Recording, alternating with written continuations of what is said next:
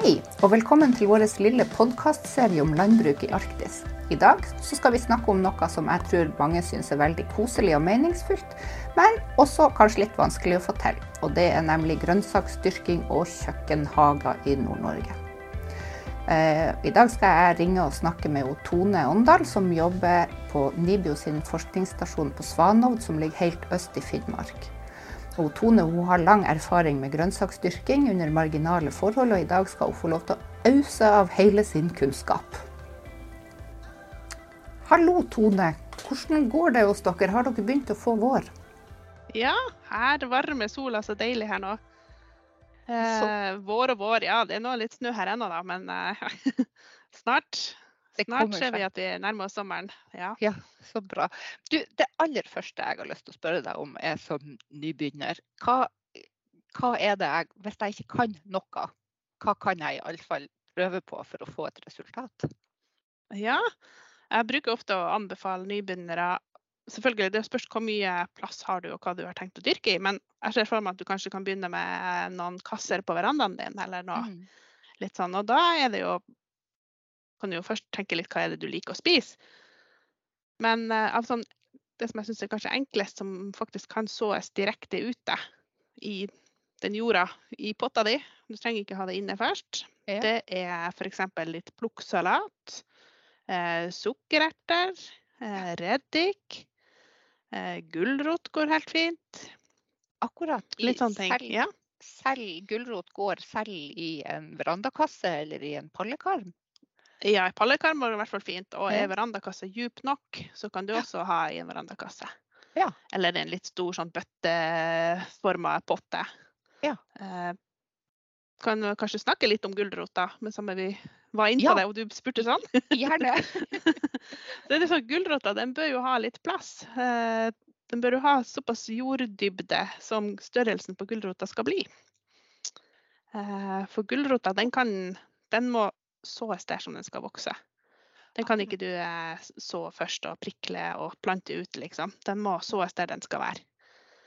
Eh, og det er fordi den har en sånn voksemåte at når den har, slår den første lille rota si ut fra frøet, så strekker den seg så langt som den kan, og som den er genetisk laga for å gjøre. Og etterpå så vokser den bare i bredden. Sånn at hvis du har flytta på det gulrotfrøet eller den gulrotplanta, så blir gulrota ødelagt eller krokete eller bøyd eller vokser i en snurr. Ja. Mm. Og ja, det er da man rare, kan få rare gulrøtter? Det ja. jeg ikke. Ja. Det er kjempeartige gulrøtter da. Ja. ja. Men du sa eh, du, Ja, du, og så snakka du om salat, og da ble jo jeg litt interessert i med en gang, for det syns jo jeg er veldig godt. Er det, mm. Hva er tipset der? Er det bare å kjøre i gang? Ja, du har jo veldig veldig mange salattyper å velge i. da. Eh, mm. Noen av dem er, har litt sånn lang sesong, sånn at det kan være en fordel at de får eh, et opphold eller en forkultur inne først. da, På en tre-fire, kanskje fire uker. Og det er særlig de litt store salatene som skal danne et sånn hode. sånn at det blir sånn som isberg og de her som lager et salathode. Ja. Eh, men du har også mange andre typer salat som er mer sånn bladsalat. altså De har en sånn ikke så hodedannende vokseform. At det er bladene du bare spiser. De, eh, de, vokser mye fortere. Og blant såfrø og sånn så finner du noe som kalles plukksalat. Og det er gjerne en miks av forskjellige sånn bladsalater. Eller, og du kan også tenke på feltsalat, det er også noe som kalles. Mm. Og forskjellige sånn miksblandinger. Og de vokser eh, ganske så fort, så dem kan du så direkte og, og ja. ha på verandaen og høste etter hvert i løpet av sommeren. Og det kan selv jeg klare? Det tror jeg du skal klare. Ja. Så lenge den eh, plantekassa di får eh, litt lyse, varme forhold og eh, jevn vanning, så klarer du det her helt fint. Ja, det hørtes, det hørtes betryggende ut. Ja, ja, ja. Absolutt. Ja. Nå er vi jo i slutten av april snart, og, og det begynner kanskje å bli på tide å tenke på å, å sove. for, for, den arktiske sesongen er jo ganske kort. Ja. Er det noen sånn tips for å forlenge den litt? Ja, og det er det man må gjøre når man skal dyrke grønnsaker i, her i arktisk. Vi må rett og slett eh, prøve å forlenge sesongen litt for en del vekster. Da får vi i hvert fall eh, mye bedre muligheter. Ja. Mm. Jeg kan bare si litt sånn som de fleste som hører på nå, som kanskje bor i nord, kjenner jo litt hvordan sesongen er. At det kan være Vi er heldige, vi kan ha mye lys, eh, men vi har lave temperaturer. Ja. Og vi har en kort sesong. Eh, Og det som ofte er da når du driver med dyrking, det er at du i forhold til varmere strøk, da, det er at du ofte har bare én sjanse. Hvis du har uh, hatt kålplanter til opphold, og du skal plante dem ut, og du har planta dem ut, og det går helt scheisse, så, eh, så er det for seint å så på nytt. Da, da er det toget gått, ja. Da er toget da gått. ja. Mens eh, har du en lengre sesong, sant, så er det ja, ja, jeg så bare på nytt og plante ut om tre-fire uker, så går det helt fint. Mm. Så den muligheten har ikke vi. Nei. Det å forlenge sesongen, da, som jeg bruker å si, i begge ender, både før selve sommeren begynner, og kanskje også i etterkant på det å få en litt lengre høst, det er, det er nyttig. Mm. Og det første jeg gjerne gjør da, det er jo at jeg har eh, Mye av de grønnsaksplantene da, krever en liten forkultur eller et opphold innendørs. At de får en, eh, en start under kontrollerte omgivelser, hvor du da har eh, litt kontroll på temperaturen og Ja. ja, de slipper å konkurrere med ugress og sånne ting. Ja. Så det er veldig smart. Mm. Um, og det gjør jeg for en god del vekster. Både, både urter, eh, ja, litt sånn løkvekster, og ikke minst eh, forskjellige kålvekster. Og salat. Og. Ja. Og jeg gjør det egentlig også på rødbeter. Ja, det meste, egentlig. Men du har et veksthus, har du ikke det? Ja, Jeg er Ja. såpass heldig. Mm. Ja, og det har ikke jeg. Hva, hva, hva er mine alternativer? Hva jeg kan gjøre da? Ja. eh, du kan selvfølgelig eh, bruke vinduskarmer og sånn, men ofte så eh, blir det ikke fullt så vellykka å ha grønnsaks eh, eller oppal i vinduskarm. Så eh, det jeg ville ha gjort, er at jeg hadde investert i et lysrør. Det kan du Mm. kjøpe på hvilken som helst lampebutikk, skulle du si, eller noe som har Ja, sånt. ja. Og så lager du deg en hylle med hvor du da har det vekstlyset over. Sånn at de småplantene får Mm. nok lys. Og at de ikke får det altfor varmt. De Ja. fleste grønnsaksplantene liker jo å ha en, ja, en spiretemperatur mellom 15 og 20, helst rundt 18 grader. Akkurat. Eh, Ja. og så kan de godt ha, ligge rundt 15 grader etter det, mellom 15 og 18 når de skal vokse. Ok, hvorfor, det- hvorfor vil de ikke ha det varmere? Eh, jeg prøver, å- bruker å si at de skal, ut, de skal jo ikke ut til 20 grader når du planter dem ut, så jeg liker liksom å holde dem litt sånn robuste, at de er vant til å ha litt lav temperatur. Eh, og så vil jeg at de skal bli litt sånn tett og lubben i vekstformen. Og det Ja. syns jeg oppnår best med at de har mye lys og litt lav temperatur. Og litt lav, ja. Mm. Og da blir de ikke så lang og tynn. Forvokst. litt- Ja. Nei, ikke sant. Ja. Mm. Så, så mye lys er egentlig viktigere enn mye varme. Mm. Ja. Men jeg må spørre, eh, du snakka om å forlenge sesongen på høsten. Hvordan foregår det? Ja, eh, I tillegg til opphold, jeg må jo si litt mer eh, måter å forlenge sesongen på. Oh, unnskyld. Så, Ja. bruk, ja. ja. så bruker jeg også gjerne en sånn fiberduk. Når jeg da har planta ut, så dekker jeg dem med fiberduk. For da høyner du temperaturen litt. Mm. Det kan også være et hjelpemiddel på høsten. Hvis du har noen vekster som er litt frost- Eh, Så kan du fortsette å dekke med fiberdukk, eller legge på fiberdukk igjen da, ikke sant? når du er litt redd for om det skal komme noen frostnetter og sånn. Ikke sant. Ja. Mm. Så fiberdukk er et uh, mm, triks. Ja, og så er det jo eh, ellers også gjøre ting som sørger for at det blir lunt og varmt. At, at den varmen som er, eh, er tilgjengelig på en måte. Da. At du Ja. dyrker på en måte i hagen hvor det er litt lunt. Mm. Uh, ja, måten du innreder hagen på, at du kanskje har eh, ting som reserverer på varme. ikke sant? Svart plast, svarte baljer, at du dyrker i sånne ting. Som også Ja. For det hjelper på eh, varmemagasineringa. mm, mm. Ja. Ja, det var smart. Ja. Så, men jeg kjente når du sa at hvis du har drept kålplantene dine, så har du ikke en ny sjanse. Og da tenkte jeg at det sjansen for at det skjer med meg er ganske stor. Hva jeg, hva jeg gjør da, hvis jeg står med et areal som jeg har avsatt til kål, og så har jeg drept alle kålplantene mine? Er, er toget gått? Kan jeg finne på noe annet? Ja, det kommer litt an på når det her er. da. Det er jo tidlig i juni, så rekker du nå kanskje å Kanskje både å sette noen poteter, eller ha noe salat der, eller at du får Kanskje du får bomma eller kjøpt noe hos noen andre hagevenner som har for mye sjøl. Ja, ikke sant. Ja.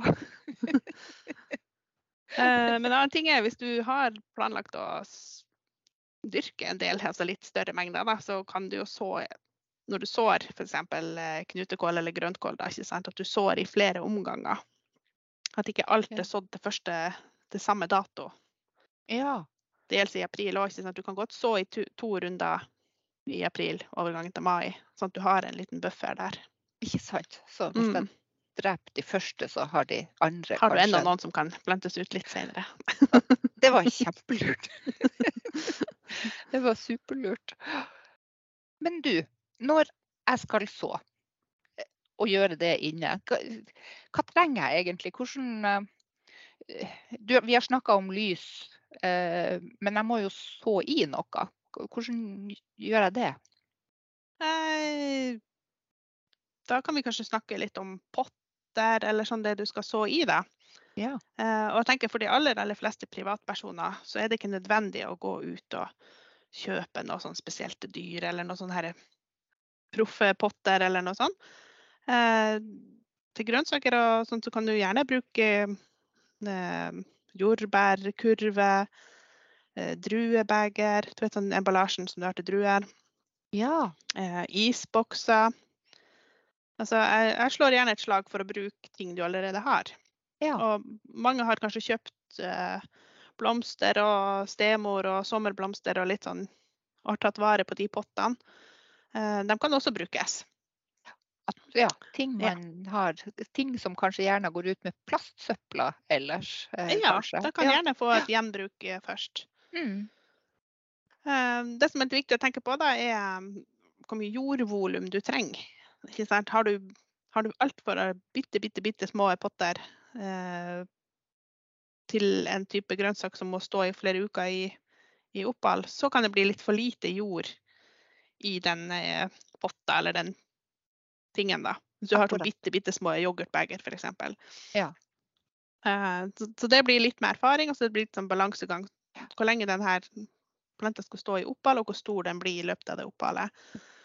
Og hvor mye tid du har Mm. til vanning. Um, jeg vil anbefale at man lager seg et undervanningssystem. At du bestandig har hull i pottene i bunnen, og at Ja. de gjerne står oppi et brett eller oppi en isboks eller noe annet som kan reservere litt vann. Ja. Sånn at etter hvert da, så vanner du unnenifra. Du fyller bare på oppi det brettet. For da kan man reise bort ei helg, kanskje. Uten å Ja. Ja. ja. Nemlig. Men jord, du snakka jo om jord. Eh, Må jeg eh, kjøpe sekkevis med jord på eh, dyr, såjord, eller hvordan, hva fungerer på grønnsaker? Ja, eh, grønnsaksfrø er jo egentlig ganske sånne robuste frø. Så at det, det er ikke noe behov for å kjøpe det som heter såjord, og som ofte kommer i bitte små poser til en høy pris. Mm. Eh, grønnsaker kan gjerne ha en eh, eh, godt gjødsla og kalka jord. Vanlig plantejord, veksttorv.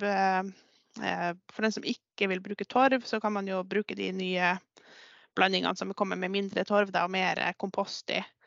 Ja. Det kan gjerne være en blanding av ja, av både kompostjord og sand og sånn.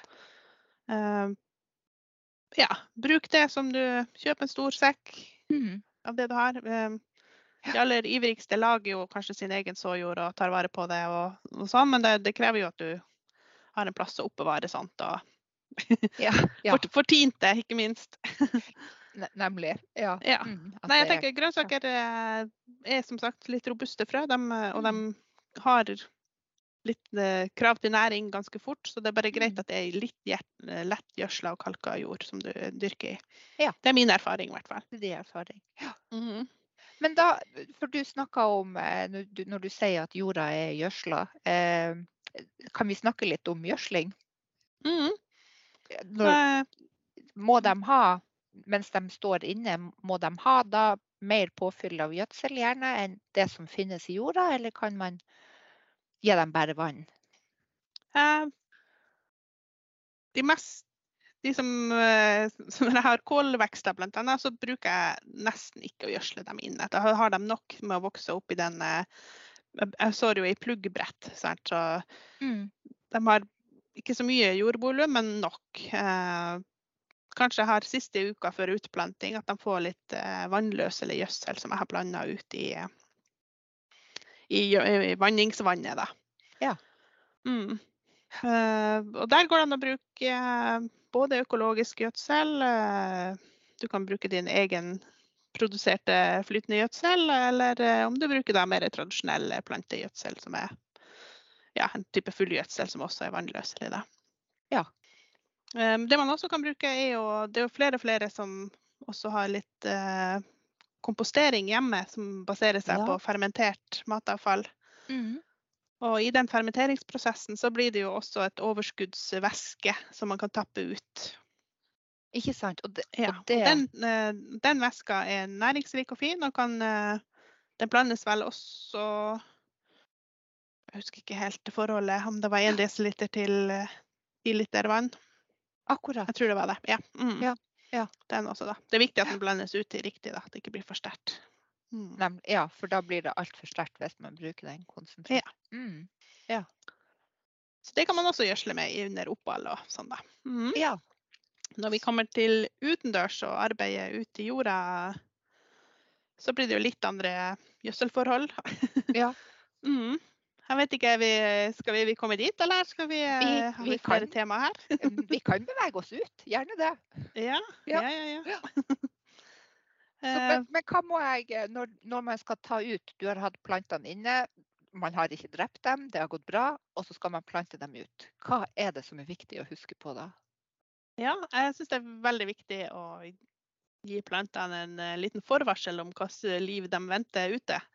Så jeg bruker å si at eh, vi må herde dem litt. Ja. Ja, for inne så står de ofte i en veldig veldig beskytta tilværelse. ikke sant? Og hvis du Mm. da kommer ut og de får vær og vind og sol på seg, så er det mange planter som får en eh, knekk, rett og slett. Både Ok. bokstavelig talt og, og litt sånn ellers også i voksemåten. De står gjerne og sturer da. Så det å herde plantene med å tilvenne dem til den utetemperaturen de skal være i, det, er- Mm. Det er et tips. Ja. Og I praksis, eh, har man drivhus, så gjør man jo det med å åpne mer, ikke sant? Og få Ja. mer vind inn, Mm. mer luft inn, lavere temperatur inne. Eh, For mange som har dem i vinduet, så kan det innebære at du må bære dem litt inn og ut. Ja, hvis du har dem i brett, ikke sant? at de står på verandaen noen timer og så inn igjen, ikke sant? eller Ja. Ja. litt sånn. Eller at du åpner vinduet mer. Og, ja. Men man har drevet på i tre-fire dager og båret dem inn og ut, og, eh, og så skal de i jorda. Eh, hvordan foregår det? Mm. Ja. Da må du jo klargjøre det dyrkingsstedet ditt. Mm. Da er det jo litt forskjellig, da, om du bare skal ha da, fylle litt jord i en potte, eller om du skal fylle en pallekarm, eller om du må ut og grave i jorda. Mm. Uh, skal du fylle en pallekarm og ikke har det fylt fra før, så er det jo ganske dyrt hvis du skal fylle den bare med innkjøpt jord. Ja. Eh, så jeg bruker å tipse folk om å kanskje begynne høsten før og sette opp den pallekarmen. Så hiver du greiner og løv og ting du raker, ting du likevel kaster av hageavfall og sånn, oppi den eh, pallekarmen. Ja. Så har du det som et grunnlag nederst. Ja, Og har du eh, tilgang på noe husdyrmøkk, har du kaniner og, eller høner eller noe hest og ta hestemøkk, så, så fyller jeg gjerne et lag med det også eh, i, nederst i pallekarmen. Mm. Så at jeg fyller gjerne opp pallekarmen i hvert fall halvfull med annet organisk materiale, da, før Ja. jeg eventuelt fyller på med jord. Ja. For alt det der vil jo omdannes etter hvert, og de planterøttene og det jordlivet som blir i jorda, også i en pallekarm, er, er positivt. Det blir et samspill der mellom Mm. bakterier som bryter ned og som frigir næring til planterøttene. En plenklipp kan man bare Plentklipp er en kjemperessurs. Det bruker jeg gjerne som, som jorddekke oppå jorda. Oh, ja. Mm. Etter at du har planta grønnsaker, så um, Eller plantene, da. Så Mm. er det jo fremdeles eh, svart jord, som jeg sier. Altså den, er, den er åpen. Og åpen jord, det betyr jo full fest for frø som vil eh, Ugressfrø som vil eh, ja. starte sitt liv. Mm. Så jeg syns det er kjempefint å legge på plengress. Ja. Ikke altfor alt for tjukt lag. Eh, Nei. Men legg på, og legg det ganske nært inntil grønnsaksplantene. Men ikke så mye at du kveler dem. Nei. Mm. Og det plengresset det gir både gjødsel, og så holder det på fuktigheten. Også hvis det er et sånn mikroliv der i det gresset, så har det også en liten varmeeffekt når den eh, ligger der og komposterer. Ikke sant. Mm. Ja. ja. Så, ja. Men da har man fått ut plantene, og man har fått litt plenklipp rundt dem. Kan man fare på ferie da? Eh, ja. hvis, du, hvis du er så heldig at det regner to ganger i uka. Ja, oh, OK. Og det er man jo. Eller at du har noen som kan vanne. Ja. Det er kjempeviktig. De fleste grønnsaker må ha jevn vanntilgang. Eh, ja. altså De overlever jo med ujevn vanntilgang òg, men da, da vil du ofte få sånn som på gulrøttene, så kan det bli sprekkdannelse, eh, kålvekster, knutekål og sånn for også sprekkdannelse. Mm. Eh, ja, det er mange som ikke liker å tørke ut, da. Ikke sant. Så jevn vanning er, Ja. er veldig viktig. Ja. Mm. Mm. Uh, nå har vi jo bare vært på pallekarm, da, men jeg tenker hvis du nå har uh, en liten grønnsakshage du er i, skal i gang med. Ja, det er steg to, men ja. Ja. Så tenkte vi var jo ikke helt ferdig med den forberedelsen før du planter ut. Uh.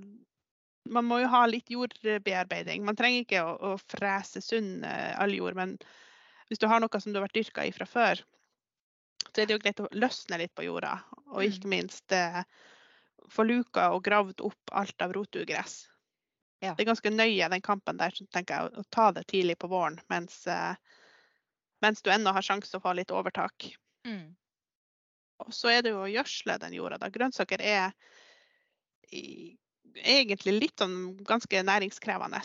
Mm. De vil gjerne ha noe godt med næring for å ha en frisk og rask vekst. Ja, ikke sant. Så man må, man må gjødsle ute også. Det er ikke nok med det de har fått med fra Nei, opphavet nei, nei, inne. det, nei, det er ikke nok. Nei. Nei. Eh, Så driver man med grønnsakshage, så tenker man ofte også at eh, man må gjøre den jorda god. Hvordan Mm. du skal få gjort den jorda god, hvordan du må gjødsle jorda sånn at det blir næringsstoffer tilgjengelig for plantene.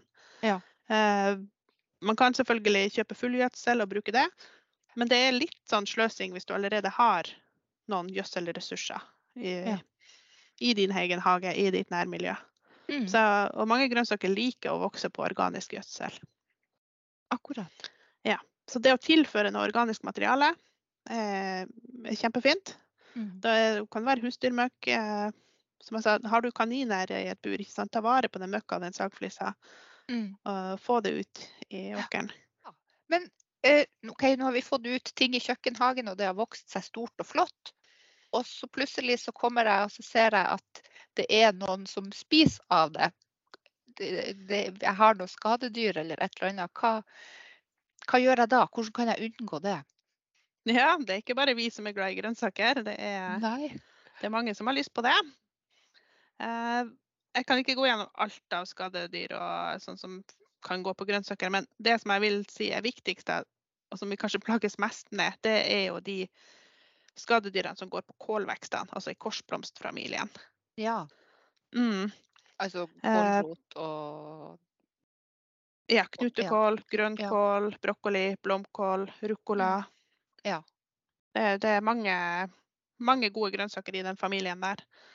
Uh, felles for dem alle det er jo at det, det er mange andre som vil ha dem også. Eh, og jeg tenker her, Fra mitt synspunkt her i Pasvik i hvert fall, så er det kålmøll og kålflue som er de verste. Som jeg Ja. mest plages med. Ja. Og eh, de, har, de fungerer på hver sin måte. Den er kålmøllen kommer veldig, veldig tidlig. Mm. Kommer flygende inn, gjerne med varme fra Russland, som vi bruker å si, russevarme. Tidlig Ja, kan komme allerede i slutten av mai, den første varmeperioden. Ja, Og de, eh, de legger egg på bladene. Og de eggene klekker til larver, og de larvene spiser på bladene.